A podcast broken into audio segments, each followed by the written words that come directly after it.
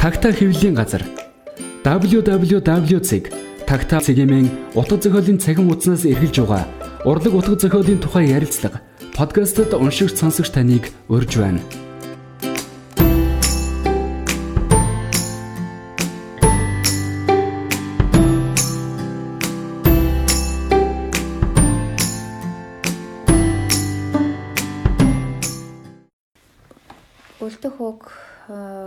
Зохиолын подкаст юм өнөөдрийн дугаараар бид нар хавар зочинг олсон. Аа манай Тата Publishing-ийн орчуулагч.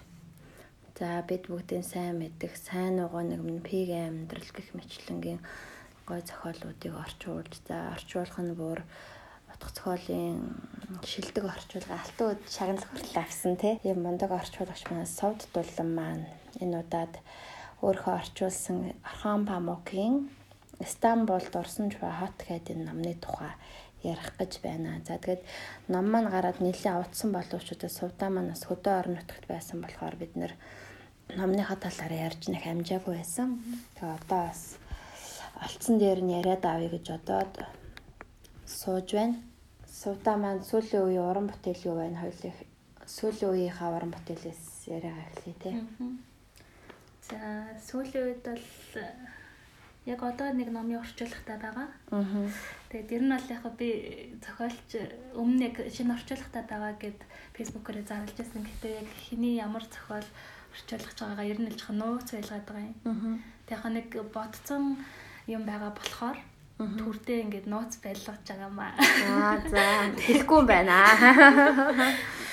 Ер нь бол яг би бодохдоо э, хүмүүсээр таалгаад Тэгээд ингээд нэг таасан хүнд нь бас нэг тийм хөөрхөн юм бодсон байгаа болохоор тийм учраас э, одоо орчуулгын хэсгээс ч юм уу ер нь явандаа оруулж агаад тийм уншигтынхаа донд нэг бахан уралдаан ч юм урамшуулалтай зүйл зарж байгаа. За за. Тийм тийм болохоор одоохондоо нэрийг нууцлчи. За. Гэтэ маш сонирхолтой зохиол байгаа. Аа. За тэгвэл бас э, шинэ ном дээр ажиллаж байгаа юм байна.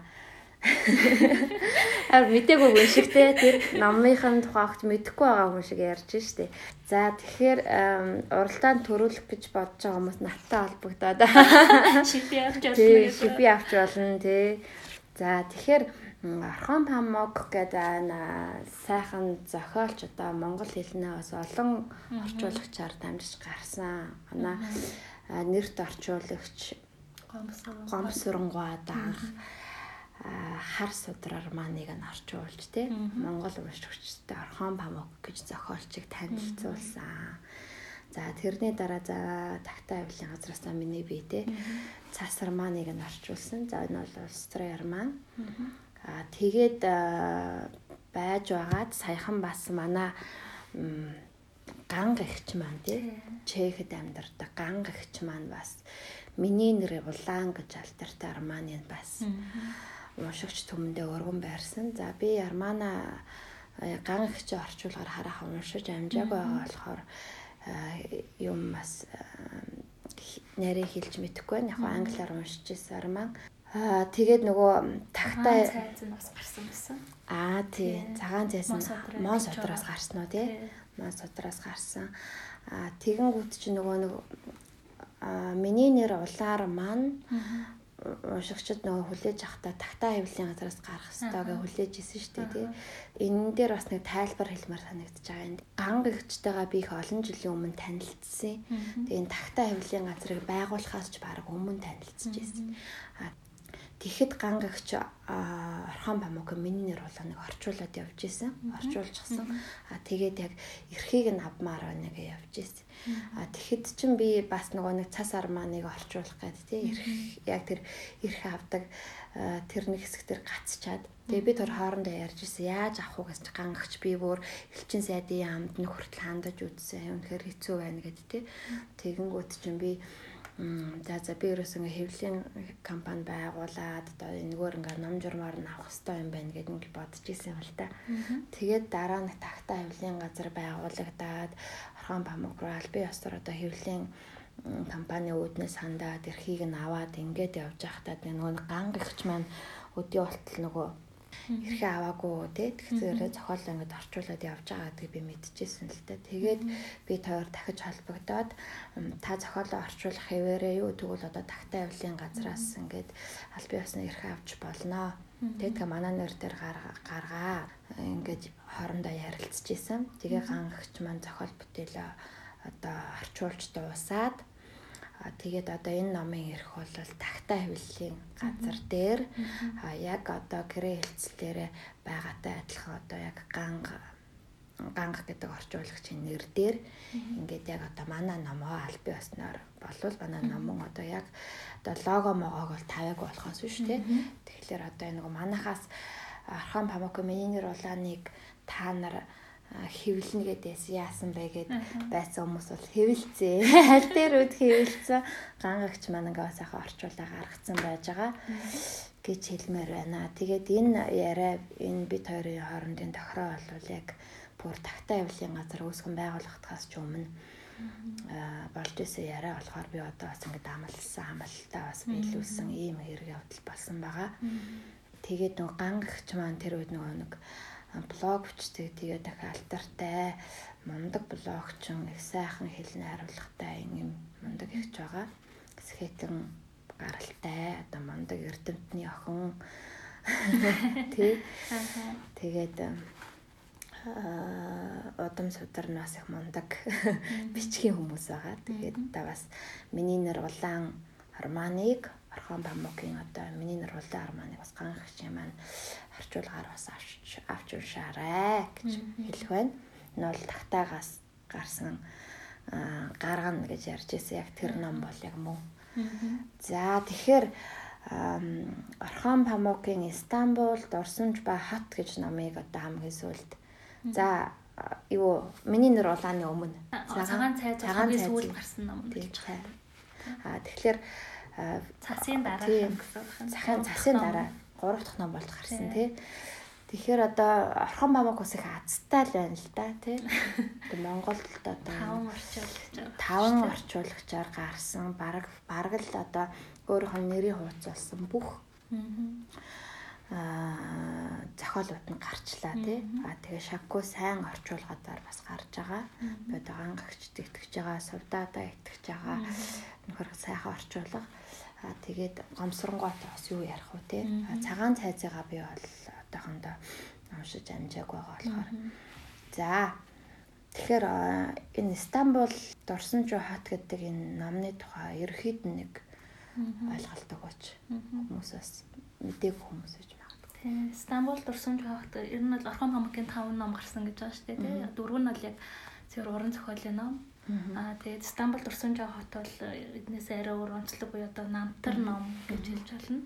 Тэгэхээр Орхон Памук ер нь бол энэ номонд одоо яг өөрийнхөө бага наснаас өсвөлээд те ер нь өөрийнхөө амьдралаар дамжуулаад тухайн дээр одоо улс үндэстнийхээ бас ахуйг давхар гаргаж өгснөөр маш онцлог. Тэгээд ер нь бол бичиглийн хэлбэр нь маш сонирхолтой.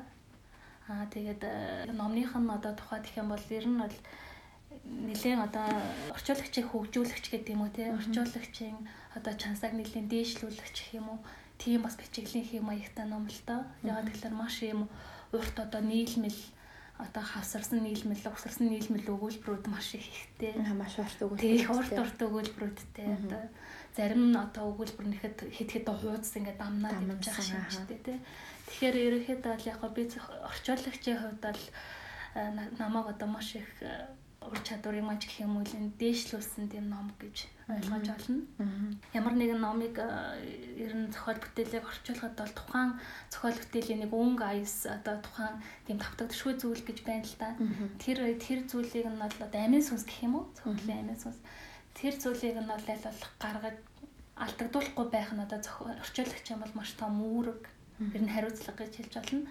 Тэгэхээр энэ яг номыг ингээд нөгөө нэг юм урт урт өгүүлбэртэй болохоор зарим уншигчид магадгүй нөгөө эхнээс нь уншиж байгаад мартах ч юм уу тийм гарч иж магадгүй л те. Гэтэ энийг бол мэдээж ингээд Монгол хүмүүс уншихад амархан болгоо ч юм уу ингээд 2 3-аас халгаад ч юм уу орчуулж бас болно. А гэхдээ бол би ер нь бол хийх хүсээгүй. Зохиолч ямараар бичсэн яг түүгээр нь л буулгахыг зорж тэргээр нь л ер нь орчуулсан байгаа л та.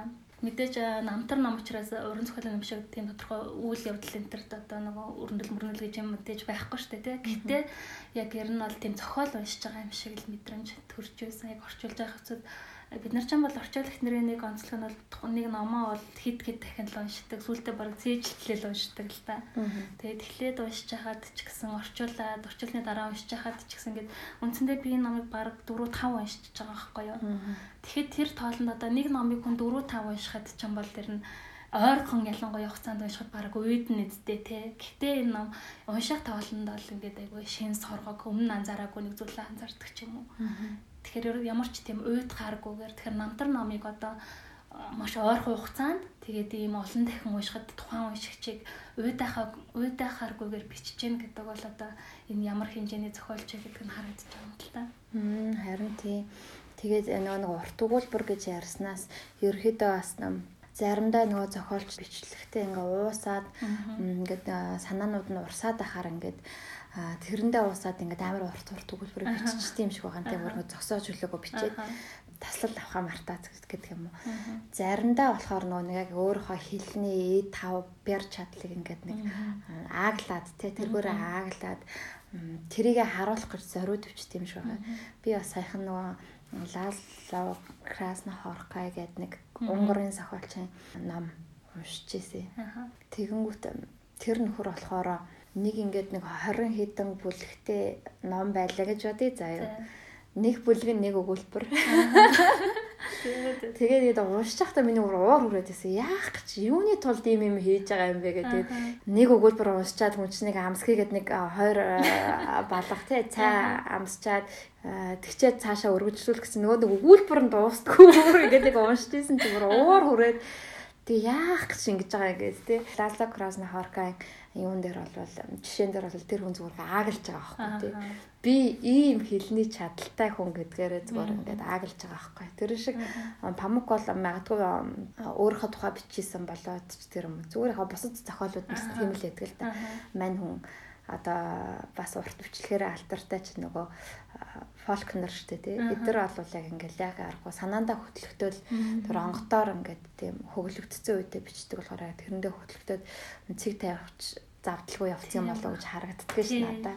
Тэр нь тэр тал нь илүү үнэн байна. А тийм тэр нь тэгээд тэрийг ингээд таслаад ингээд ингээд ингээд тавьчихаар нөгөө тэр юм байхгүй. Тэр юм байхгүй. Тэр зохиолчийн ааглаж байгаа тэр гоё тийм эр чадал те бярн байхгүй болчихсон. Одоо Ласна Красна хорхоод би ингээл амар орчуулан марчуулна гэж ингээл бодлоо гэхэд тэрнээс нь айгаад би одоо өөр хэдэн одоо 30 хэдэн хуудастай амсан нэг өгүүлбэр энэ төр орчуулна гэхлээр айгу инээдтэй байгаа байхгүй. Тэгээд тэрнтэй харьцуулахад ч бас бодно орхон бамг гайгүй юм байна. Гайгүй тий. Заачан гайгүй 3 удаа явуулсан. Тийм гайгүй. За тэгээд бичлэгийн хэв маяг. Надад бол тэр нь гэхдээ айгүй сонирхолтой л байсан л да орчуулахад. Өмнөх нөгөө миний хоёр номчин бол тэр нь их богино өгүүлбэр явдаг штэ айгүй. Тийм болохоор энэ нь бол надад айгүй сонирхолтой. Тэгээд тэрнээс бол ингээд орчуулж байгаа хэвчээд тэрнээс нь залхах ч юм уу тийм тохиолдол үсэ байхгүй харин ч юм хөвгчлөлтэй тий. Одоо жишээлбэл нөгөө сайн уу нэг нэг бичсэн Франсуаза сайхан бол бүр 18 19 наснда бичсэн болохоор те тэгж нэг аагалж омог гэж бярдах тийм хилээр бярдах тийм тэнхээ бас хараахан суугаагүй үеийнхэн те янмарт л угаасаа тийм хөнгөн бичлэгтэй хэрэнд их хил маш богино бичдэг штэ хил басаар ааглаад байх тийм шаардлага байхгүй. Тэгэхээр хам хамог энэ нэг үгийн энийг тийм том маструуд ч бас тэргээр ааглана л да. За тэрийг бол хадгалах гэж хичээсэн. За тэгээ ингээ хадгалж чадсан гэдэг утгаараа орчуулагчийн бас нэг тийм бүтээлтэй хандж байгаа хандлага харагдаж байгаа. За тэгээд манай сувдуулан бол ингээл бүтээлээс бүтээлийн хооронд яг өөрөө яг чухам ямар нөөцтэй орчуулагч вэ гэдгийг харуулдаг л та. Тэгээд Стамбулд орсон ч хот бол Сувдагийн нөөцийг бол нэлээд сайн олборлож гаргаж ирсэн юм ном юм шиг надад бас санагдчихсэн. Үнэхээр гайхалтай гоё орчуулсан. Энэ орчуулгаар нь бас үнэхээр бахархаж байгаа.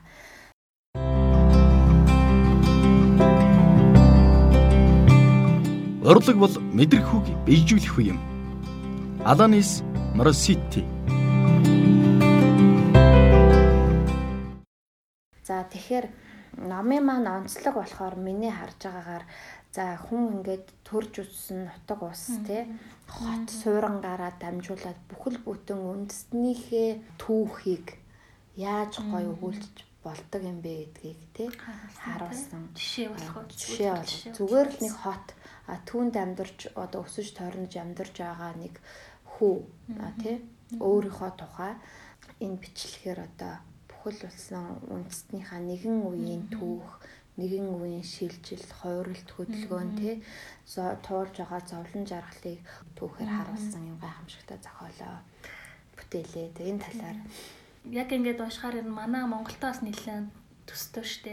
Одоо бид нар ч бас нэг их Монголын эзэнт гүр ингээд агуу түүхтэй те. Тэгээд турк болохоор отоманы эзэнт гүр бас нэг тийм агуу одоо эзэнт гүрний үрс садуулаад явж байгаа юм л та. Тэгээд одоо орчин үеийн бидний байгаа байдал болохоор бас ерөнхийдөө хоорондоо адилхан те. Агуу түүхтэй. Гэхдээ одоо байгаа нөхцөл байдал маань тэр нөгөө нэг Османы эзэнт гүр Монголын эзэнт гүрний хэмжээнд бол одоо биш байгаа штэ аль аль маань улс төрийн хувьд нийгмийн эдийн засгийн хувьд нэлээд юм савлгаатай юм нөхцөл байдалтай байгаа даа тий. Тэгэхээр энэ талаараа ч юм уу нөгөө бидэнд бол маш тийм ойр тусч байгаа юм л та. Яг ингээд э, уншиж байгаа хавцад бол одоо энэ чи яг одоо бидний байгаа нөхцөл байдал юм биш үү гэх тийм зүйлс бол маш их гарч ирнэ. Тэгэхээр одоо яг Монгол яг энэ цаг үед бол одоо ингээд уншвал одоо хүмүүсийн оюун сэтгэлд бол илүү одоо хүрх яг юм цаг нөхцөл нь бол бүрдээд байгаа л юм байгаад байгаа юм л. Тэгэхээр ер нь бол номын нэг онцлог байдаг чинь ямар нэгэн номыг нөгөө орчин бүрдэхэр хүний сэтгэлд одоо илүү хүрдэг штэ тий.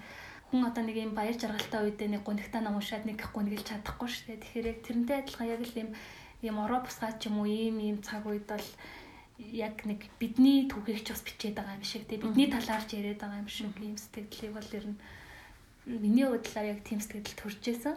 Тэгэхээр яг яг л одоо л бид бас уншаад нэг өөрсдөө нэг харьцуулж бас харах хэрэгтэй л болж байгаа юм л та. Бид одоо ямар байгаа юм те. Бид э, эднээс одоо юу нь адилхан байгаа, юуг нь бид нар яаж засаж болох юм те. Юу ямар зүйлийг одоо илүү эерэг болгож болох юм ч гэдэм үү. Ер нь тэр тал дээр бас бид нар уншаад бас явах хэрэгтэй болж байгаа. Стамбулын тухай бол орхон хам гэр нь бол нэлийн нийн өгөөл бичсэн байгаа л та. Бид нар яг нэг намтраа бичин гэхээр сайн сайхныг нь түүгээд биччихдэг хандлага манад нэлийн байдаг штэ тий. Дандаа л гоё юм сайхан зүйлс бахархууштай зүйлсэл бичээд идэг. Азийн цагаан дагд Улаанбаатар болгоод. А гэтэл нөгөө нэг болж утгагүй асуудлаа гаргаж ярьж тавьж одоо яг илэр харж ээж бид нар тэрийг шийднэ гэхээс ш. Нуугаал ингээл хаагаал ингээд дэвэл яг л тэр нь улмал даамжраад байна. Тэгэхээр бол Стамбулынхаа тухай нөгөө яг л болж чадахгүй байгаа минь ингээд ил гаргаад тавьчингууд мань хүн бас яг нутаг нэгнүүдтэй ч юм уу нилээ ингэж ад шоу үзэгдэх тийм тохиолдол байсан л байгаа юм л та өөрт нь. Одоо ингээд улс орноо дэлхийн нийтэд ингээд муугаар дууллаа. Тэгээ тогоон дотор бол манайх нэгдэг штэ.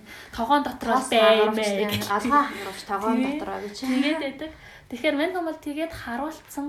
Тэгэхээр энэ нь бол энэ хүний одоо нэг бодит байдлаар нь ингэж харуулж байгаа юм л та. А гэтээ ингэснээрээ магадгүй э, тэр зүйлийг олж хараад илүү засах тэр зам нь бас нэгдэн штэ тий. Тэгэхээр бидний хувьд ч гэсэн бас бид нар бас дандаа гой сайхнаа л ярих гэдэг штэ. Ер нь тийм хандлагатай. Тэгэхээр бид нар ч гэсэн бас ингээ болохгүй байгаа зүйлсээ ил гаргаж тавьж ээж хитэн талаас нь харж ээж ч юм уу одоо ингээ тэрнийхээ шийдлийг болдог илүү сайжруулах тийм талтай л. Одоо бид нар Улаанбаатар одоо манай цоргонд нийслэл хот штэ тий. Тэгэхээр яг нэг Улаанбаатарын унган иргэн гэхээс илүү би бол яг Улаанбаатарын унган иргэн биш ч гэсэн эн чинь бидний нийслэл хот учраас ингээд Улаанбаатарыг гэсэн зүрх сэтгэл бол мэдээж байгаа штэ. Энд ч огч нь олон жил амьдэрсэн тий. Тасцсан. Тэгэхээр Улаанбаатарынхаа одоо асуудлыг гаргахын тулд бид нар ингээл хичнээн утаатай одоо юу гэдэг чи зүүн нөмхийг өнөртэй дэдэг нэтрэг гэж байгаа ч гэсэн бид нар энэ хоттой ингээ хайртай байдаг тий зүрхнийхэн хүнд хайрлж яадаг илүү одоо нэг сайхан хот болгочихсан гэсэн хүсэл одоо явж яадаг. Яг л одоо бид нар ингээд орхон бамг шиг ингээд гаргаад бичиж чаддгүй мэхэд ядахнаа л бид нар дор бүрнээ тухайн одоо Улаанбаатар хотоо яаж илүү сайхан болгох уу яах вэ гэдгийг гэж шийдэл олохын тулд яг л тэр нөгөө нэг бодит байдалтай бас нүүр тулгал хэрэгтэй болж байгаа юм л та. Би бас нөгөө нэг Стамбулыг уншиж байхад яг юм нэг бичих гэж э, оролддог хүний хувьд яг хорхоо хүрээд исэн байхгүй тийм яг адилхан материал байна шүү дээ. Тийм адилхан яг адилхан туулж яваа түүх адилхан материал байгаа байхгүй. Одоо яг Монголын зохиолчдод болохоор жишээлбэл тий Монголын уран бүтээлчдэд яг орхон памуктай адилхан одоо уран бүтээлийн материал тий. Тэр Нобель авсан хүнтэй адилхан одоо бүх юм байгаа аахгүй тий. Тэгэнгүүт энэ номны одоо бүлэг бүрийн ингээл Улаанбаатарын төр төрх дээр ингээл тэ урууж хөрүүлж бодоол үзэхээр яг л бичиж болохоор сэдвүүд өө олон байгаа аахгүй тийм бид яагаад ингэж бичээгүй юм бэ тий? Бид ийм өрнөл одоо юу гэдгийг эрүүл сарвал биш тий? Одоо өвчлсөн хот гэе л дээ тий? Өвчлсөн хотод ингээд амьдарч байгаа мөртлөө тэрний шаналл завраг яагаад ил гаргаж хэлэхгүй одоо одоо болтол хэлж чадаагүй байгаа юм бэ тий? Бид юунаас хинээс айгаад юунаас нуугаад байгаа юм бэ? Тэгтээ тэргүүл бид нар орой орой болгон гараал одоо нөгөө нүүрсний утааг нь тий одоо хоолоо ама хорстл өнөртөөд тий эндээ ингээд бүр ингээд өвлийн цагаар баг харах шиг ингэж тий амьдрах гэж амт тэмцэж байгаа тий ийм байж одоо ийм ил имийг хинээс нуугаад байгаа юм тийм биз дээ. Энийний энэний асуудлыг ярилцах, хэлэлцэх те. Энэ хот ямар нэгэн байдлаар өвчлсөн шаналж буй зовиортой байгаа. Тэр нь биднэрт нөлөөлж байгаа бол тэрэн тухай илвэл одоо илэн далангуй ярилцах тий бичих ийм цагт болсон юм шиг санагдаж байгаа. Тэгээд н орхон памук яг ингээд бүр ингээ хотоо бүр зовлон бэршил бүх юмтай нь ингээд бичээд тавьсан байгаа нь болохоор айгуу гоё том үлгэр байгаа байхгүй яа тэгэхээр ингээд би ямар нэгэн байдлаар ингээд дутуу байна, түлмэг байна. Бид ямар нэгэн байдлаар энэ дээр алдаж байна. Бидний энэ нь муухай байна. Бидний энэ нь илүү гоё шүү гэдгийг хэлж чадна гэдэг бол айгүй тийм жижиг зүйлүүдээс ангирч ангижирсан хүмүүс те. Жижигхэн санаа зовлтоо жижигхэн хэл амнаас те. Ангижирсан нэрлэхүү зангаас ч тийм үү. Тийм ангижирсан нэлен далайцтай там сэтгэж байгаа хүний л үйлдэл та те. Тэгэхээр Туркийн ард түмэн за тэгээ түүнийг төлөөлж байгаа Орхон Памук гэдэг хүн бол энийг хийж чадсан байна те. Нэг талаар нөгөө талаар нөгөө түрүүн чи ярьсан шүү дээ. Нөгөө Оттоманы эзэнт бүр ингэж агуу авраг улс байж байгаа л дараа нь ингээл тэр задран умаал тий тэгэл Ататурк гарч ирэл Туркийг одоо шин тутамд байгуулах гэж оролдоол тий Энд чи одоо манай нөгөө нэг хөсгөлтэй л ялгаатай манай түүх байхгүй. тий манай түүхлаад байна манай түүх байхгүй одоо бараг л тий аа агуу гэхэд Чингисийн эзэнт хөрөн яаж одоо дэлхийд мандаж дараа нь задарч унж дараа нь яаж мандын манжин дадлалд орж тэрнээсээ салах гэж яаж хувьсгал хийж Сүхбаатараар тэргүүлүүлсэн хэсэг нөхөд гээл тий.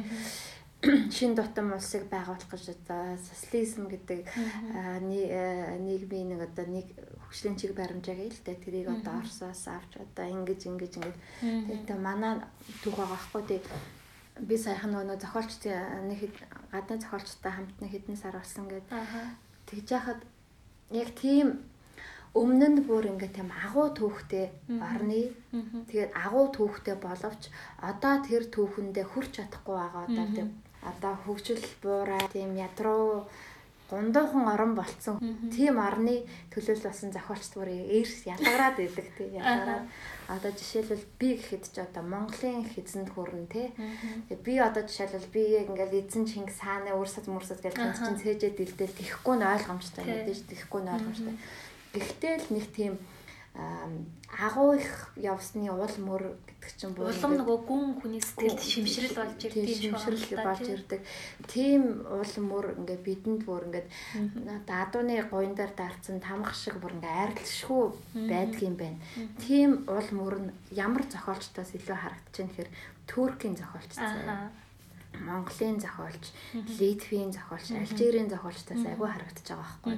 Бүр ингээл ингээл бадрангуу заяа аюугүй гэдэг ассан ингээд бадрангуу цаад цуснд нь бүр байгаад байна. Цуснд нь байдаг. Хүний өөдөөс ингээд нэг тийм одоо миний бэкграунд те миний одоо арт талтай юу ч байхгүй штэ бараг те. Тэгэхэд ч л ингээд нэг л тийм хүний өөдөөс ихсэлж харахтаа хүртэл омог бардам те. Тэгсэн мөртлөө тийм шаарлахсан нэг тийм юм ингээ бүх юм нь яваад байдаг тийм яваад байдаг. Яг ингээл мэдээж ил гаргаж хэлэхгүй л тэгтээ цаана тэр хүний үйл байдал өөхтөх ингээ бүх юмд нь харагдчихэдэг. Жишээлбэл Алжирууд гэдэг чинь одоо ингээд тэнгис залаа гэзгэнсэн гэх одоо агуу их далаан дээрэмчтэй удам юм байна л. Тэр далаа тэнгисийг дээр үед ирхшэж байсан ганц хүмүүс юм байна. Тэгэнгүүт дараа нь ингээ Францын колон молон болол тий тэр бүх түүх нь арчигдсан энэ төр тийм одоо хүч чадлаа одоо алдсан байх нь шүү дээ. Супер хүчээ алдсан. За туркууд ойлгомжтой Отоман эзэнт гүрэн. Тэгээ монголчууд ойлгомжтой тий.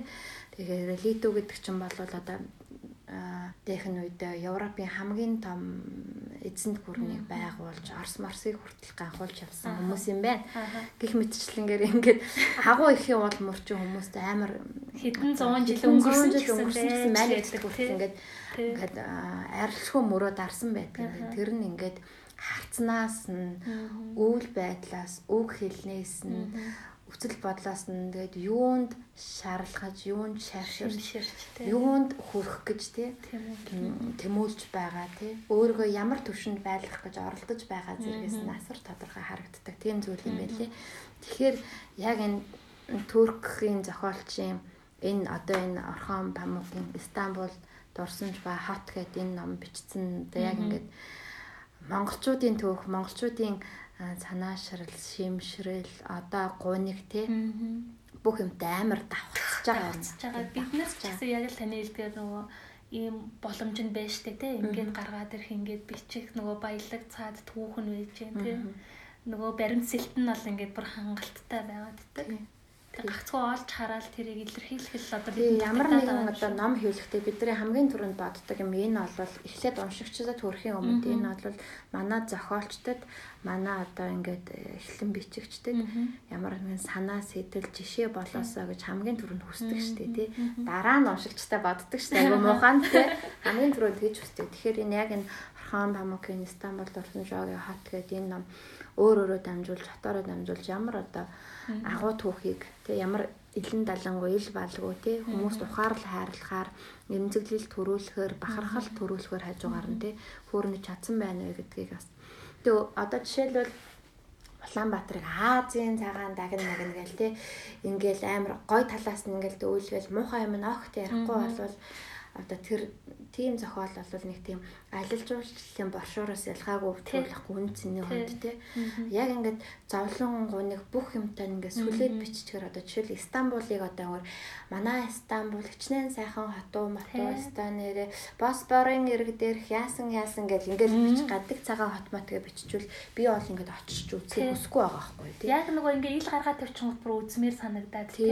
А тэгэнгүүт ингээд зовлон эн чин ийм түүх туулсан ийм зовлон чанал туулсан одоо ингэж зовж яваа те шархацсан нохоо шиг ийм хот юм а гэд ингээд үзүүлчихээр надад амар дотн байгаа юм. Яг надад хайрлаж харьцуулж хайрлах юм биш Улаанбаатар те харьцуулж хайрлах юм байгуул Стамбул одоо амар гой гэлгар байдлаар харуулснаас илүүтэй одоо хайр хөргөм сэтгэлд дулаан дотн хүн ард нь бас те ойлгож хайрлаж болмоор тэр хүмүүстэй тэ илүү дотн нөхөрлөмөрч юм шиг тийм амар сэтгэлд төрүүлж байгаа хөө. Тэгэхээр уран зохиолд хандж байгаа хандлага нь зарим хүмүүст айгүй гүйхэн байдаг шүү дээ. Ер нь сайхны л тухай бичих юм ямар тэгвэл ер нь уран зохиол гэж юу юм болж байгаа л та тий. Тэгээд одоо жишээлбэл ингээд Орхон Памукийг нэг үл хүлэн зөвшөөрөгчд нь олон улсаас биш Туркээс айгүй их байдаг. Тэд нар болохоор муу мухаг нэлчлээ биччлээ гэх бухимдаад байгаа байхгүй тий. Тэгтэл яг ингэж цасыг ч юм уу те эсвэл одоо юу гэдэг Стамбул дурсан жоо хотыг ингээд бичиж харин ч бүр усаа хайрлаа хайр нь бүр айгүй байдаг. Тэгэнгүүт ч одоо нөгөө нэг олон улсаас Туркийг хайрлаж байгаа уншигчд те. Туркийг ойлгох юмсан гэж дотнчлон хүлээж авч байгаа тийм хүмүүсийг айгүй их бий болгож байгаа байхгүй тий. Түүнээс биш зүгээр айгүй гоё гэж бичсэн бол стаж аялал жуулчлалын боршуурлаж хувирна шүү дээ. Тэгэхээр энэ орхон памук дургүй бай гэсэн. Эсвэл одоо хин нэгэн хүн зориг гараад Монголын тухайста ил баалгүй бүх юмтанд биччлээ гэхэд түүнд дургуцах гэж байгаа хүмүүс зориулж хэлгээд тийм. Энэ чинь ингэж байж тийм эцэс хүн төрлөх тэнгэдэг чинь нэг л юмар зангар гэдэг тэр нь болохоор сэтгэл штэ тийм. Тэр сэтгэлийг тон хийлгсэн юм гэдэг бол зовлон гуниг одоо баяр жаргал бахтал амог шил одоо бүх юма ингэж үнээр нүчсэн бодтоор нүчсэн илүү ингэж хүний сэтгэлд хүрдэг. хайр татдаг илүү хүмүүсийг соронцонд нь татдаг зүйл. Тэгэхээр одоо ийм зохиол байсан байгаа. Тэгээд Архан Памукийн дурсамж хамт явж байгаа шүү дээ. Тэгэхээр тий өөрийнх нь амьдралын тухай нэг бахан товчхон хүрнэ. Орхон памук бол ер нь бол багын маш тийм ер нь дотгошоогоо л хүүхдээсэн маам л та. Тэгээд маш их зурдаг. Манай хөө эхлээд ер нь зураач болно гэж боддог байсан. Тэгээд яг гэр бүлийнх нь бол өөрөө нь бол ингээд уран барилгах жаргт зурж болгох тийм сонирхолтой. За тэгээд мань хүмүүс яг зураач болно гэж бүр багасаа л ингээд зураад л ерөөсөө тэгээд Орхон Бамаки одоо бодит ертөнцөөс тасрах одоо тий өөрийгөө олох тэр орон зай нь бол өөрийнх нь өрөөдхийн тэр зургийнх нь хэрэгсэл байгаа юм л та. Тэг яг зурхаараа ингээд өөрийгөө нэг өөр ертөнцөд очисон мэтэр төсөөлдөг. Тэгээ тэр ертөнцтэй айгу тийм ад жаргалтай байж чаддаг. Тэгээд ер нь бол яг нөгөө нэг тухайн номын уур амьсгалаас орчуулгад орчуулагчдаас их нөлөөлдөг. Тэгээд би яг наднаа яг жилийн өмнө ерөөхдөө яг орчуулж эхэлж байсан гэсэн яг одоо 12 сард. Тийм айгуу тийм учир шалтгаантай юм уу байдаг гэж л би боддог л та. Тэгэхээр яг ингээд 12 сард яг ингээд манайх ч ингээд хүүтрээл ингээд утаан ихсэл ер нь нэг жоохон гармааргуу санагдал гэртээ шигдмээр санагддаг нэг үе байдаг штэ. Одоо ингээд 12-оос 2 сарын хугацаанд ч юм уу те. Тэгэхээр яг минийх бол яг Стамбулыг яг тэр үед л ер нь орчуул таарсан. Тэгээ би бол яг л ингээд гэртээ шигдэд ерөөсөө ингээд нэг юм гэрээс гармааргүй хүн амтантай холбоо тогтоомооргүй ингээд харилцмааргүй яг яг нэг тийм юм сэтгэл зүйн уур амьсгалд яг орж ирсэн л дээ өөрөө. Тэгээд энэ тэр маань нэг орхон памукийн тэр нэг ганцаардал ч юм уу те тэр гонхрал энэ шаналл энэ тэр бас ингээд давхар надад нөлөөлж ирж байгаа юм л та. Нөгөө нэг ном руугаа ингээд орохоор. Тэгээд яг ингээд нэг цонхороо ингээд нэг гатны хуртныг хараад яг би ингээд дараа нь бодохоор гэрээсээ гаралгүй ингээд 10 20 мөр хонцсон үе ингээд байдаг байхгүй бүр ингээд рөөсө гараагүй. Тэгэл яг л ингээд нэг гэртэл байгаа л бүгээл тэгэл яг тэр орчинд нь ингээд ороод одоо нөгөө номон дээр мань гардгийн ер нь нөгөө 2 дугаар бүлгийн чанаа юм харанхуй хөвшилсэн үзмрийн байшинт гээд орхон памукийн гэр нь юм багаас нь л одоо нэг тийм харанхуул татсан юм гэр байдаг байсан юм л та. Тэгээд ингээд нэлээд тийм чинэлэг айлын хөөгчтэй те. Тэгээд ингээд таван давхар ингээд орон суудсан ингээд Бараг хашаад ингээд амьдэрдэг тий. Давхар болгондоо ингээд нэг ах дүүнэр туркуч нөгөө нэг ингээд ах дүүнэрээр айгаа амьдэрдэг шүү хамт нэг. Тий. Тэгэл ингээд тэр өрөө нь одоо маш тийм том том юм өрөөнүүдтэй тий. Тэгэл тэн дээр нь ингээд айгаа том том юм хуучны нөгөө тийм нэг элегант гэх юм уу тийм юм тавилга сэлттэй тий. Тэгэл нөгөөх чинь тэр юмнууд нь хамгийн гол нь ерөөс хинч хүрдэггүй. Одоо чинь давхар болгонд хинч хүрдэггүй төвлөртөр мөрөд байдаг гэдэг ч юм уу те. Зүгээр тийм ерөөс л үзмөрийн маягийн гой тансаг айл болох гэж зүгээр баахан хэрэггүй худалдаж байгаа. Тийм тэгээд ингээд үзүүл ингээ маяг нэг л их юм гоё юмнууд л ингээл байгадаг гэтээ тэрэнд нь хинч хүрдэггүй хинч хэрэгэлдэггүй юм л үзмөрийн л маягийн юм байшин одоо тавилга сэлт байж байдаг тэгэл үндсэндээ юм нэг том юм юм орон зайд ингээд нөгөө хүмүүс маань аслагдмалч гэх юм уу хичнээн хамт байгаа ч гэсэн сэтгэлээрээ аягүй тийм хоорондоо аслагдмал байгаа даа байхгүй юу. Аа нэг дор ингээл хичнээн байгаад баяр баяр наадмаар ч юм уу ингээл хичнээн аягүй тийм сайхан гэр бүл шиг байгаад байгаа мөртлөө цаанаа нөгөө нэг ингээл эд хөрөнгөний ч юм уу те үзэл санааны ч юм уу ингээл хуваагдл яваал. Айл болгон өөрөнгө проблем үүсгээл том гэр бүлийн хэмжээнд тэгэхээр нөгөө ийм орчинд өсөж байгаа хүүхэд бол ингээд аягүй тийм дотгошоо ганцаардмад болж өсөж байгаа юм л та. Тэгээд магадгүй юм алтартай зохиолч болоход бол яг энэ орчин бас аягүй нөлөөлсөн л байгаа юм л та өөрт нь л. Тийм тэгээд яг тэр нэг ингээ айл болгоны ингээд нэг ингээд хоорондоо нэг хагаралтай ч юм уу те ингээд байгаа нэг л тэр улс орных нь байдалтай л яг адилхан. Тэгээд яг л ингээд нэг фракц болол хуваагдсан те. Тэгэл бүгдээрээ л ингээл наана нэг их сайхан байгаа юм шиг мөртлөө яг л цаана ингээд гүнд нь айгүй том том асуудлууд байж байдаг. Гэтэ тэрийгээ тэр хүмүүс хизээч хоорондоо ингэж гаргаж ярихгүй байгаа учраас нөгөөх нь улам ингээл тэр хагарал нь улам томроод ингээл улам биеиндээ тунирхаал, улам биеиндээ гомдол, улам биенээсээ холдоод байгаа байхгүй. Баярын ширээний ард учраас заавал бие биенийг яжлсан тийм үг хайсан байлтай хайцаал тийм. Нэг тийм яг ер нь бол яг багасаа тийм өссөн орчин нь бол ер нь тийм байгаа. Тэгээд ер нь бол ер нь л ийм тийм ганцаардмал маш тийм төөрөө төр чинь нэг төсөөллийн бий гэж өрснөөс байдаг. Тэгээ яг би яг энэ номыг яагаад орчуулах надад хүсэл төрсөн хэрэг яг нэг ихний өгүүлбэрт нь л ингээл яг энэ хорвоо ертөнцийн дээр одоо хаа нэгтэй те яг надтай адилхан юм орхон байгаа гэдэгт би итгэдэг гэл тэгэнгүүт яг тэр өгүүлбэр л энэ номыг би орчуулах хэрэгтэй байна гэсэн ийм юуг надад аяга суулгасан шүү дээ. Тий. Тэгээ тэр ном аяга танигддээ шүү дээ. Яг нэг миний орчуулах ном энэ яг мөн гэдэг нь ингээд нэг яг ингээд уншихаар ингээд анзаарэгддэг. Тэгээ надад бол тэр өгүүлбэр яг тэр нэг дөр бүлээс эхэлсэн тэр хэсэг л ер нь яг энэ яг би орчуулах ёстой юм байна гэсэн юунд бол юу суулгасан л та. Аа. Тэгээд эн чинь нөгөө нэг non fiction баг шахав штэ одоо баримтат уран зохиол тий. Тэгэнгүүт нөгөө нэг уран зохиолын ном орчуулахаас юугаар ялгаатай байсан бэ? Яг уран зохиолын ном орчуулахаас илүү яг э, илүү жоохон нэг тийм энгийн гэх юм уу нэг тийм уянга хэлмэл бол тэр нэг байхгүй штэ. А гэхдээ яг урхан момгт өөрөө бол хичнээн одоо намтар номч гэсэндээ бас ч тийм гоё уянгалаг хэлээр бичиж байгаа юм л да. Тийм болохоор яхаа илүү тийм нэг э, сэтгэлд илүү тийм ойр хүрдэг гэх юм уу? Аа. Одоо яг тийм сэтгэлийн хүн рүү ингэж их нэг орж номондоо ороод одоо эм орно гэж хэлэх нь цаашаа ирнэ. Тиймэрхүү нөхцөл байдалтай айгаа хаа очижсэн. Аа. Ер нь л нөгөө нэг ингээд орчноос өөрийгөө тусгаарлаад нөгөө орхон бомбогч ингээд тусгаарлагдаад байна гэж штэ тий. Тэгэхээр чин нөгөө хоёр номын чинь орчуулж хахад тийм нөхцөл байдал их үүсэхгүй л юм л та. Тэгэхээр энийг ингээд орчуулж хахад илүү ингээд тэр тухайн ном руугаа ороод яг л ингээд нэг тийм нэг үнэн бодит юм гэдэг утгаараа ч юм уу магадгүй илүү ингээд өөртөө татаад тэгээд яг орчуулагчийг яг л нэг тийм өөрийнхөө яг тийм уур амьсгал руу оруулчихдаг юм лээ. Аа.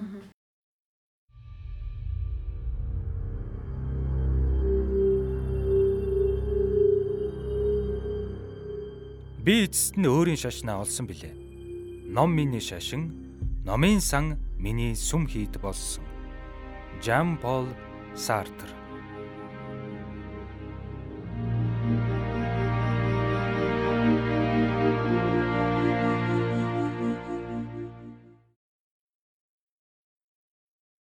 бас нэг авааштай чанарыг би орхон памоскаас олж харсан. Одоо энэ чинь нөгөө нэг юм одоо манайх харуулах Баян айлын тий бусад одоо Стамбулын ядуу хэсгээс нэлээд тусгаал Европ дүүргэн тий манайхаар бол одоо зайсангийн айлын хөөгчтэй тий зайсангийн нэлээд гүний тий цаатлын айлын хөөгчтэй тий тэгсэн мөртлөө тэр бүр энэ улаан чулуутын айлын амьдралыг хүртэл манай одоо баян шүү мөшөөний тий. амьдралыг хүртэл амар сайн мэдчихэдэг тий. Энэ өөрийнхөө энэ төрж өссөн хотын нөх сөв нуглаа хунраа бүрийг маш сайн мэдчихэдэг тий. Тэр бол нэг өөрийнхөө бас нэг онцлог агамтай. Мэнхэн ч нөгөө нэг ингээл ээж мэжтэйгээ муудалцахаараа дандаа тим одоо юунууд руу явдаг. Явдаг тий. Тэгээд тэргээр алхахдаг ингээд шүнжэнгээ алхаад нөгөө нэг хаягдцсан орхигдцсан тий. Бүр ингээд байшин савн ингээд юу яагаад унтсан тий тийм газрууд одоо манайхаар бол одоо ингээд нөгөө баяу шүүний эцэс мэдс юу ч эдээ тэр аваар яваад байгаа гэсэн үг байхгүй юм зайсан дээр амьдрэх хүл ингээд яваад байгаа гэсэн үг байхгүй тэгэхээр нөгөө тэр орчныг аягүй сайн мэддэг. Одоо гэдэг Монгол биш Монгол тий. Монгол гэж хэлэхэд хэцүү Монгол хүмүүс аягүй байж шүү дээ мал мэдхгүй, хөдөө мэдхгүй, эсвэл одоо нэг хотын нэг хэсэгт байхад нөгөөх нь мэдхгүй ч гэдэг юм уу тий. Яг тэд нар бас л монгол хүн л тий. Хаагүй л нэг өөр нөхцөл, өөр орчинд амьдарч байгаа. Гэхдээ яг тэр жижигхэн өөрийнхөө хүрээлэл ингээд задлаад одоо өөрийнхөө амьдарч байгаа хотыг ч юм уу энэ төрж өссөн их орноо ингээд илүү сайн таньж мэдээгүй тэр хүрээлгийг их задалж одоо памук шиг ингээд тэнхэл хэрэгтэй юм шиг байгаа тий. Тэгэхгүй болохоор яг тэр хүмүүстэй ингээд харьцахаар ингээд яг нэг тийм нэг хотын нэг дүүргийн амьдрал тэр дүүрэг нь болохоор тэр өнөөд нэг бүрхүүлжтэй болсон дэлхийн болсон юм тийм хүмүүс би яг олныг мэдэн л дээ. Тэгэнгүүт архан памукийн нэг аваарч тал нэг баян айлны хөөхт те.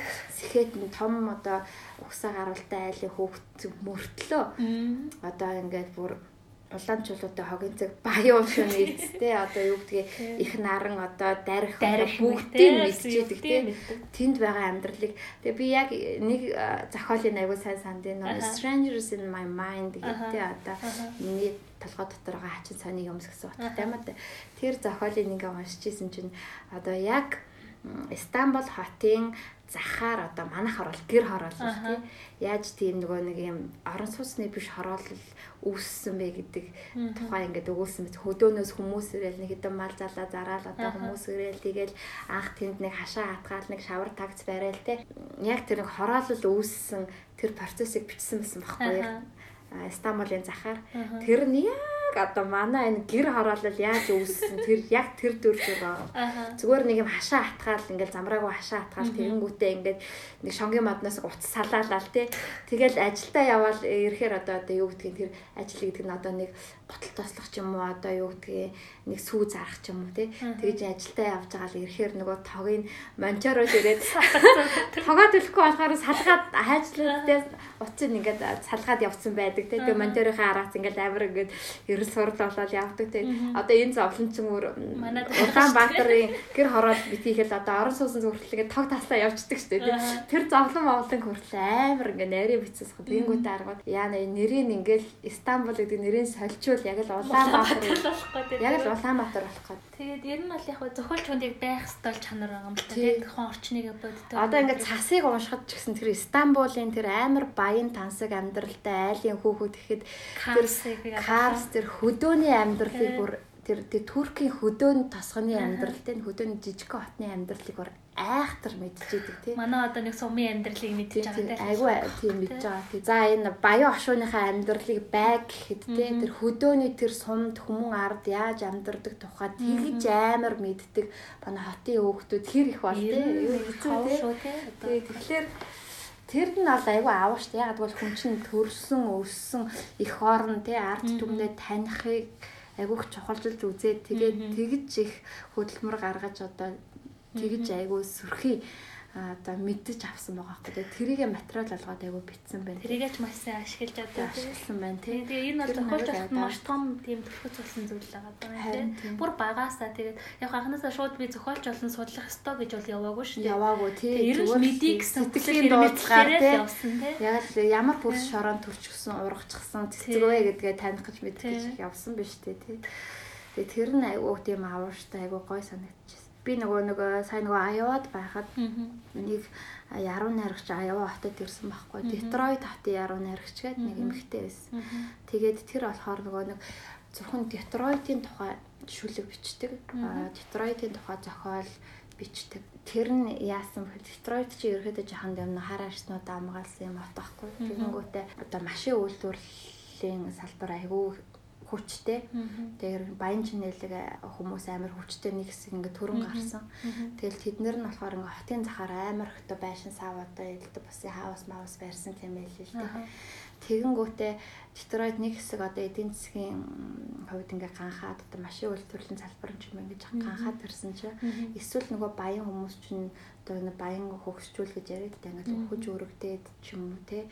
Ирсэн чинь нөгөө нэг өөр хүүхдүүд нь тэр нөгөө байшин савын өвлөж аваад тэнд амьдрах ямар ч хүсэлгүй. Аа Детройтод амьдрах айгу хүсэлгүй хүмүүс их байсан гэл те. Арсны үед дамгаалan жахан харууд ихтэй. Тэгэнгүүт нөгөө нэг баячууд нь жахан цагаанууд болж таарсан шиг их расист юм ярьж штэ тий зүгээр тэр хүний ярьж ирсэн юмыг ярьж байгаа шүү. Тэр өөрөө хар арьстай зохиолж байсан тэгээд ингээд тэгэнгүүт нөгөө өөр хүүхдүүд нь тэр баячууд ингээд үхээд ч юм уу эсвэл одоо юу гэдгийг бизнесэнд жахан ганхаад ирэхээр тэр нөгөө нэг байшин цаавын авч өвлөж амьдрах хүсэл ёстой нөгөө нэг цагаан арснуудын хүүхдүүд нь. Нью-Йорк руу ч юм уу Вашингтон руу одоо юу гэдэг өөр хот руу нүүхийг хүсдэг Детройтод огт амьдрахыг хүсэхгүй байгаа байхгүй юу тий. Яг бол суур нь болохоор тэдний орчин биш. Харуудын тэгэнгүүт нь баахан тийм гой тансаг одоо юу гэдгийг тийм байшингууд одоо хотын захад нь ингээд сул хаягдсан байна л да. Тэгэнгүүт нь тэнд нь одоо ингээд хамгийн л муухай гэмт тэргийн өөр уурхай болж бүтэхгүй бүх юм тэр баячуудын хорооллын орхигдсон юунуудаас эхэлж гинэ. Тэгээд тэр эмэгтэй ярахтаа Детройт бол ингээ ELC-тэй буюу одоо юм өвчлсөн хот. Аа одоо айгуу тийм баян ялгаагийн тэнцвэргүй байдлаар сүнги дада дада гэл амар олон юм agi проблем. Тэгээд Детройтын проблемыг ингэж бичдэг. А тэргээрээ айгуу их нэрийг олсон. Одоо тэр Детройтын ч хэрэгтэй одоо бусад хүмүүс ингээд ийм тэгж ярьж ирсэн. Тэгсэн чинь тэр хэлэлцүүлэгт Венесуэлийн Каракасаас ирсэн зохиолч ах хамт суужсэн байхгүй одоо манай Роберто гэдэг.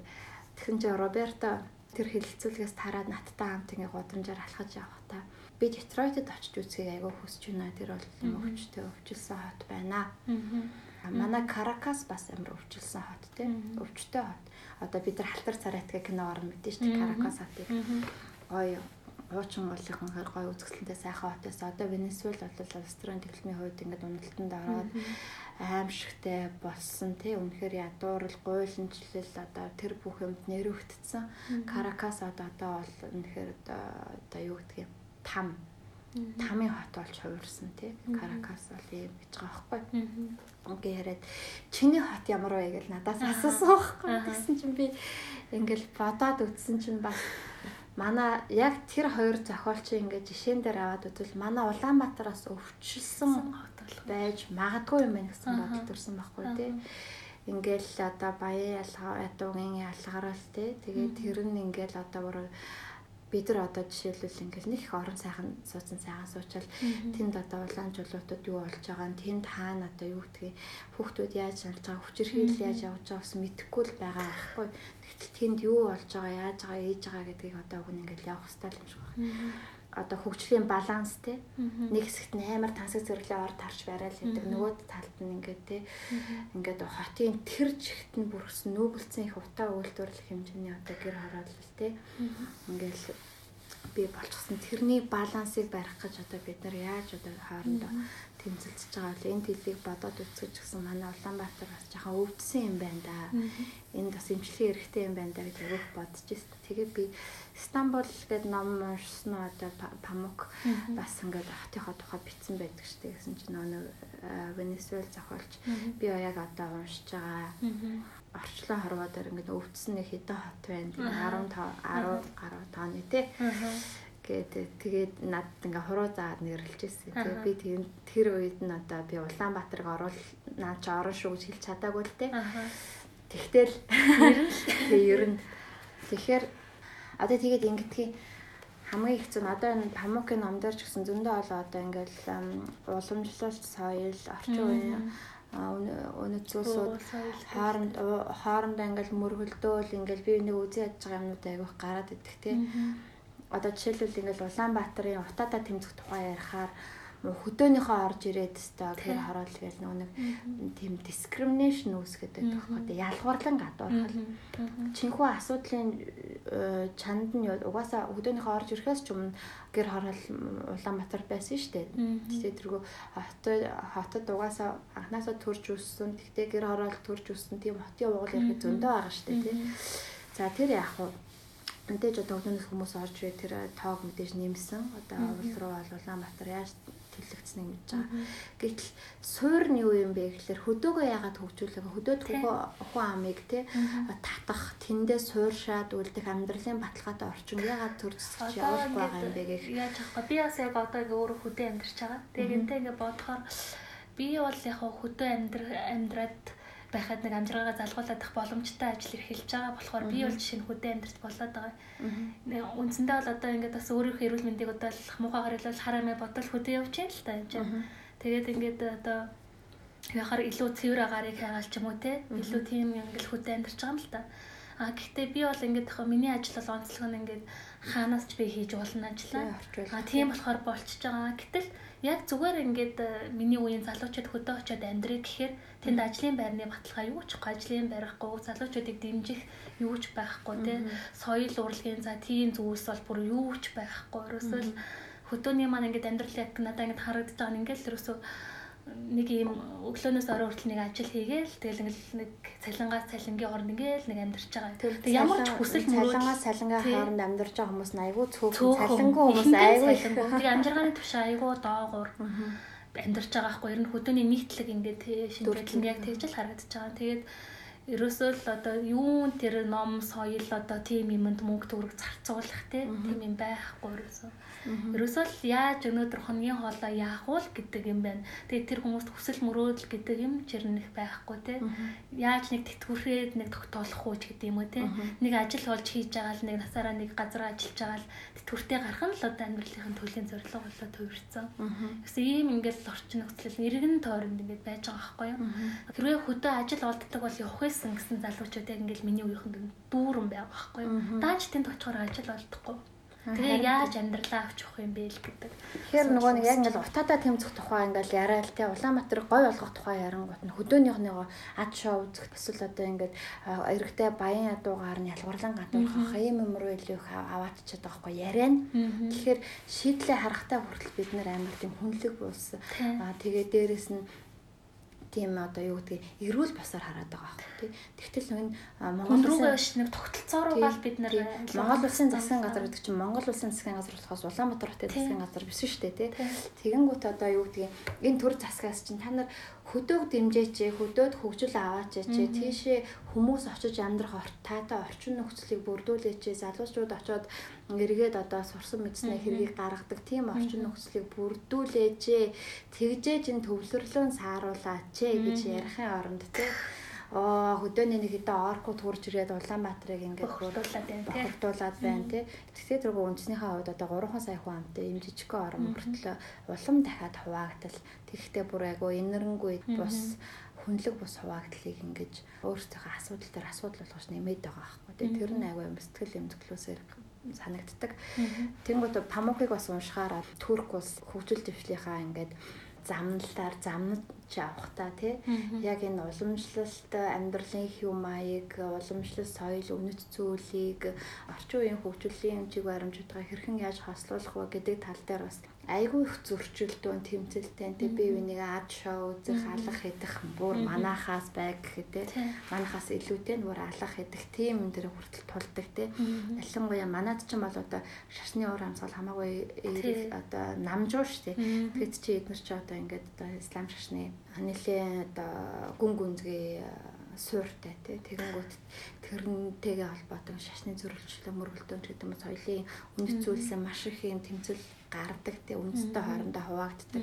Энэ зүйлсийн хүртэл ингээд нэг тийм айл нэгнийхэн талд орлого айгуу сайхан ингээд чин үнээр нь сайхан биччихдэг тий. энэ зохиолчийн бас их давуу тал тэгээд би бодож байгаа юм л та. Стамбулыг ч юм уу цасыг ч юм уу одоо бусад Арманыг нэг уншихаар хүмүүс бас энэ үндэстэн дотроо хиймэл ялгуурлан гадуурхал үүсгдэг асуудлыг шийдэхдээ бусдыгаа алагчилж үзчихээ шийдлийг олдог. Бусдыгаа заавал нэг талыг хохироожод нөгөө талд ашигтай байдал үүсгэх ийм ордлогууд хийдэг. Энэ нэг нэг давчуухан сэтгэлгээнээсээ бас энэ армануудыг уншаад тий самуугийг уншнараа салах юм биш үү гэж би яг итгэдэг байхгүй. Яг бол энэ чинь тэндээс утаа алдчих чинь эндээс өмхий хангалж чинь гэдэг чинь үндэст нэг л үндэстний асуудал болохоос биш Улаанбаатарын хэсэг иргэнийг хөдөөнийхээ иргэдэд хохироогоод байгаа асуудал огт биш шүү. Хэрвээ ямар нэгэн байдлаар тийм асуудал гараад байгаа бол асуудлынхаа уг суурилуу хандаач.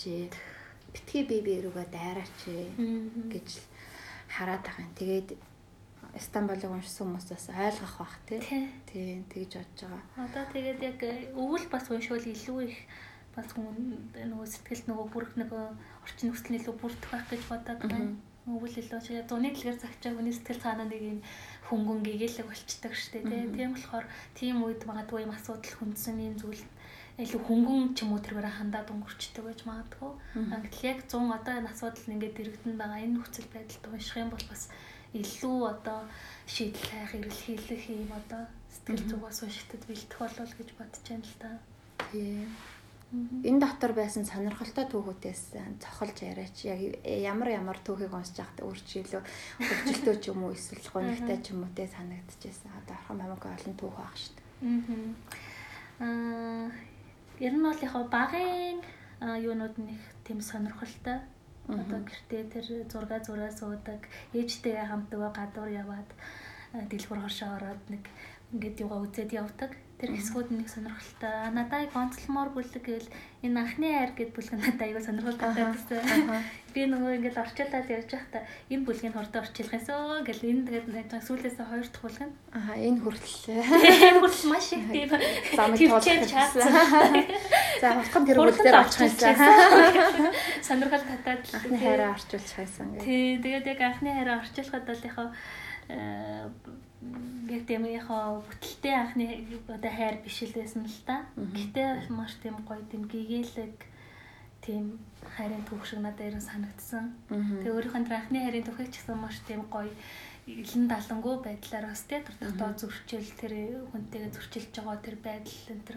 Тэгээ энэ анхны хайр бүлэг дээрээс нэг одоо авштай нэг санаа нь юу вэ гэхэлэр ерөнхийдөө яг манад ч гэсэн байж лээдэг юм л та ер нь уран бүтээлч хүмүүсийг ерөнхийдөө хүмүүс нэг тийм жоохон юу гэдэг чинь амьдралын баталгаагүй ч гэх юм уу тийм өнцгөөс илүү хардаг штэ.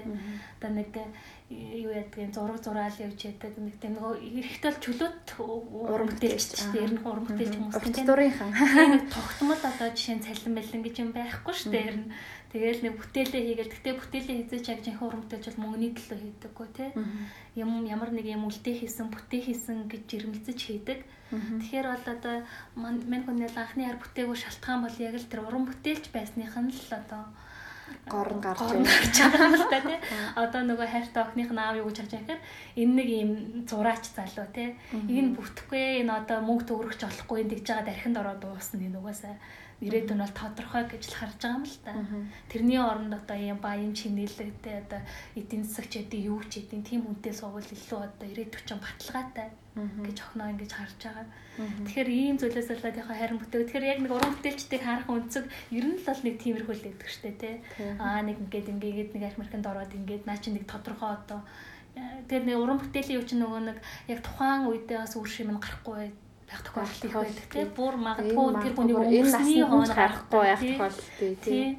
Тийм болохоор бас уран бүтээлч хүмүүс тэр талаараа бас зарим нэг зүйл дээр бас золиос ер нь юма золиосэлдэг тий. Хувийн амьдралаа ч юм уу хайр сэтгэлээ ч юм уу золиосэлдэг тэр нь бол ер нь бол гонигталтай мөр чимшээ гонигтай яг тэр юу нь бол айгүй сэтгэлд айгүй тийм гүн тусчлаасаа. Тэгээд нөгөө Орхон памукийн өмнөх зохиолуудыг нь уншчихсан хүмүүс ингээд яг тэр энэ зохиолуудыг ямар өөх төвхтэй ямар сэтгэл зүрэхтэй хүн бичээд байсан бэ гэдэг яг энэ зохиолчийнхаа хувийн намтарлаа орол айгүй сонирхолтой тий.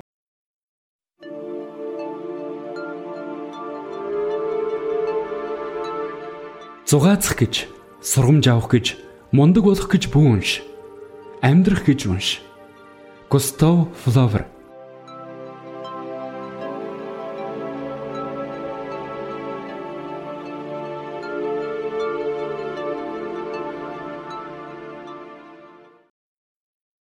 Тэгээд бас энэ номноос нөгөө нэг айгүй олон уран бүтээлчдэг бас мэдээж авах боломжтой. Одоо жишээ нь ингээл Нирвалч гэдэг юм уу, Флоберч гэдэг юм уу. Тэгээд тэднэрээ ингээд нөгөө нэг Стамбулд аялж байсан. Одоо барууны аялагчид уран бүтээлчд бол нэг хэсэг яг Стамбулыг маш их тэгж зурж аялдаг, тийм тэмдэглэл бичдэг, зураг зурдаг байсан үе байгаа юм л та.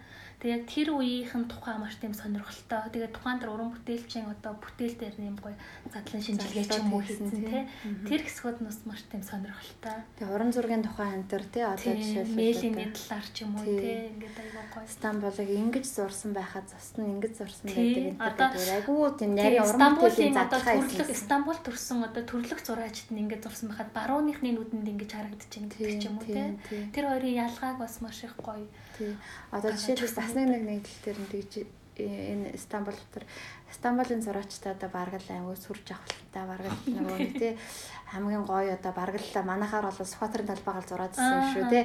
Ер нь тийм. Тэгтэл нэг Европоос нэг ирсэн тий. Тэр нь болохоор яг нөгөө баян шөм шөгийн зураад ирсэн. Баян шөм шөгийн зураад ирсэн юм шиг байл шүү дээ.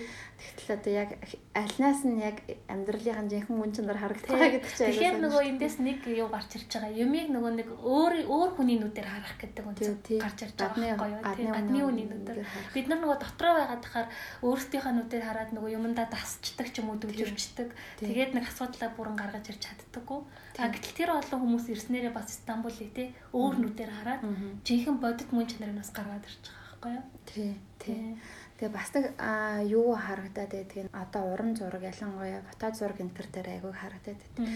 Хүмүүс ингээл одоо манай дотоодын уран бүтээлчд дээр гадны уран бүтээлчд дээр Монголын тухай өгүүлэх гэдэг тэгэхээр л нөгөө хогийн цэг рүү яваад өгдөг. Тэ? Яагаад гэвэл тэнд нэг амар бэлэн одоо шууд ингээл чак гээл дарахад бэлэн сэдвэн сэдвэж байгаа байхгүй тий. Сэдвэн чак гээл дарахад бэлэн нэг урууд орой амар гундуу амьдрал амьдралын амар хэцүү зүр төрх нэг бэлэн материал нь тэнд байж байгаа байхгүй тий. Тэгтэл яг чинхүү уран бүтээл чи яг нэг авьяас нь юунд байдаг вөхлөр яг тэр бэлэн материал дээр зодохтой биш тий. Зүгээр ингээд бидний өдөр тутамд ингээд хараа зүгээр ингээд за ингээд анзаархаа байгаад өнгөрчихсөн тийм ээлтүүл болчихсон зүйлээс бидний амьдралын хамгийн угийн угийн мөн чанарыг гогдож гаргаж ирэхтэй татаж гаргаж ирэхтэй магадгүй бидний амьдралын хамгийн угийн мөн чанар нь тэр тэр бэлэн дүрснүүдээс Шал өөр тий. Зүгээр бодомжинд нэг магадгүй нэг микроны буудал дээр ч юм уу. Юун дээр юун дээр ч хамаагүй байж болно шүү дээ. Тэр нь болно Монгол гэдэг сэдв. Тэгсэн Памукын нэг олзуурах ууштай тал нь мэдээж одоо тийм хотынхоо хэцүү хэсгүүд мэсгүүдээр явсан л байгаа юм л да. Гэхдээ яг ингээл тэргээрээ ингээл материал болгоод татвал ингээл ингээл байхгүй тий. Эсвэл тэр баян тансаг амьдралын хоёрын хооронд нь зодтолдуулаад ингээл зодоол байхгүйгээр. Яг нэг Стамбул хотын чинь угийн угийн гуниг нь угийн угийн бахтал баяр жаргал нь энэ юм байна шүү гэдэг. Айгүй тийм жижигхэн юмнаас нэг жижигхэн нэг тийм турк цайны нэг үнрээс ч юм уу тийм нэг жижигхэн юмнуудаас ингэж гогдож гаргаж ирдэг. Тэр айгүй нандин чанар шүү. Тэгэл уран бүтээлчийн чанар, уран бүтээлчийн чанар ахгүй. Тэгээс би одоо ингээл амар зодуулал энэ номор дүүрэн Стамбулын одоо болчихгүй юм байгаа биш байгаа тийм. Эсвэл нэг дандаа гайхам сайхан гайхам сайхан босбороо ирмэр байгаа гэлдэг бол би надад айгүй ядаргаатай ахгүй. Хин тамаатай юм тийм ээ. Тэнгүүд нь айгүй тийм нүдэнд үл ажиглагдах, анзаарагдах. Тэгсэн хэрнээ хамгийн мөний мөнтэй хамгийн түүрэг хамгийн тийм тэр хүмүүсийн тэр ард түмний бүр нэг угийн мөн чанарыг илэрхийлсэн тийм нүдэнд үл үзэгдэх юмнуудаар энэ арманыг энэ зохиолыг бүтээсэн маш гоё холбож өгсөн тийм холбож бүтээсэн болохоор тэр нь надад айгүй гоё нандан тийшээ очиж үзхийг хүслэнд автаж байгаа байхгүй тийм тэрэн шиг одоо ингээл би бас ингээл уран зургийн галерей дотор байгаа одоо тасраад хогоны цэг дээр унсан монгол хүмүүний зураг те яг одоо бидний нэг хэсэг мөн мөн мөн тийм. юм харахаар нэг удаа харах өөр л тоо олон удаа ингээд давтагдаж харахаар бид нар ингээд айгу залхуу байна тий уран бүтээлч зүгээр бэлэн юм дээр очиж шууд так так так гэл ингээд авчиж гин гэж бодоод байдаг байхгүй. Яг чинхүү уран бүтээлч юм чин тэр нүтэн төл үзэх юм үзэгдэх юмнуудыг үзэгдэх болтол нь тий. Нэг анзаардаггүй хүний те ингээд нэг ахгүй амьдралдаа ингээд нэг анзаарах бүгднгийнх нь маш сайн мэддэг мөртлөө мартцсан. Маш сайн мартцсан зүйлсийг гэж говдож гаргаж ирэх. Тэргээр бид нарын хүн чанарыг худалдаж үзүүлэх гэдэг чинь айгүй тийм. Ер нь гоё гоё бүлгүүдтэй бас сонирхолтой сонирхолтой юмуд байдаг юм аа авууштай талд нөгөө ийм том мундаг уран бүтээлчтэй зохиолч тий. Өөрийнхөө намтрыг намтраар дамжуулж хотынхоо түүх улс орныхоо түүхийг өгүүлж болохоор давхар энэ хүний уран бүтээлчийн хувьд өссөн өсөлтийн өсөлтийнээс харж ирж байгаа байхгүй тий.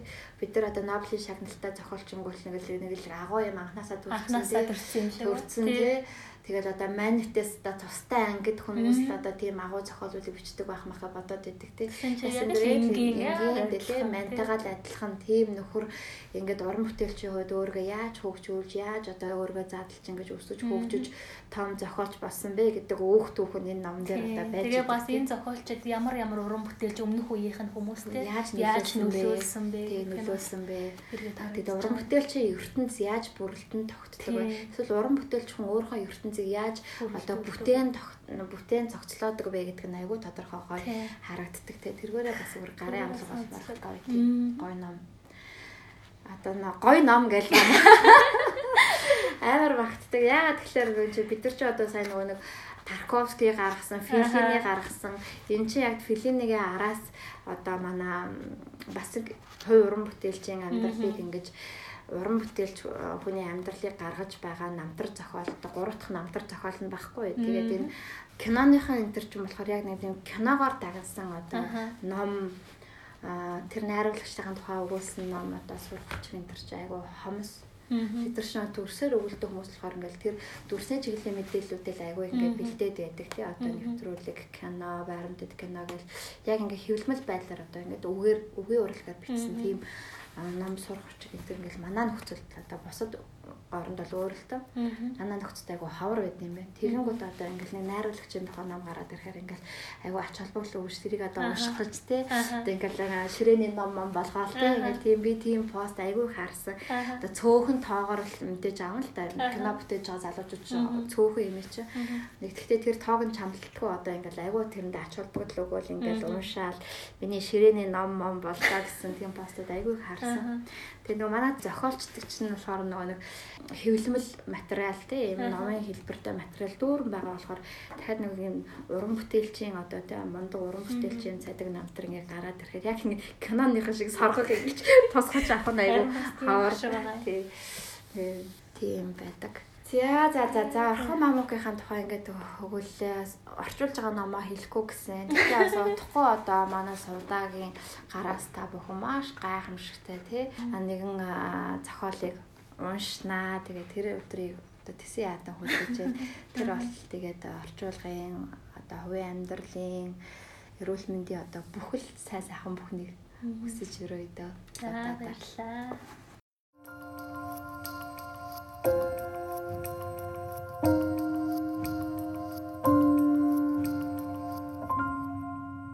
Тагтаа хэвлэлийн газар. Тулхтаа уншигчдийн цуглах оюуны кафе.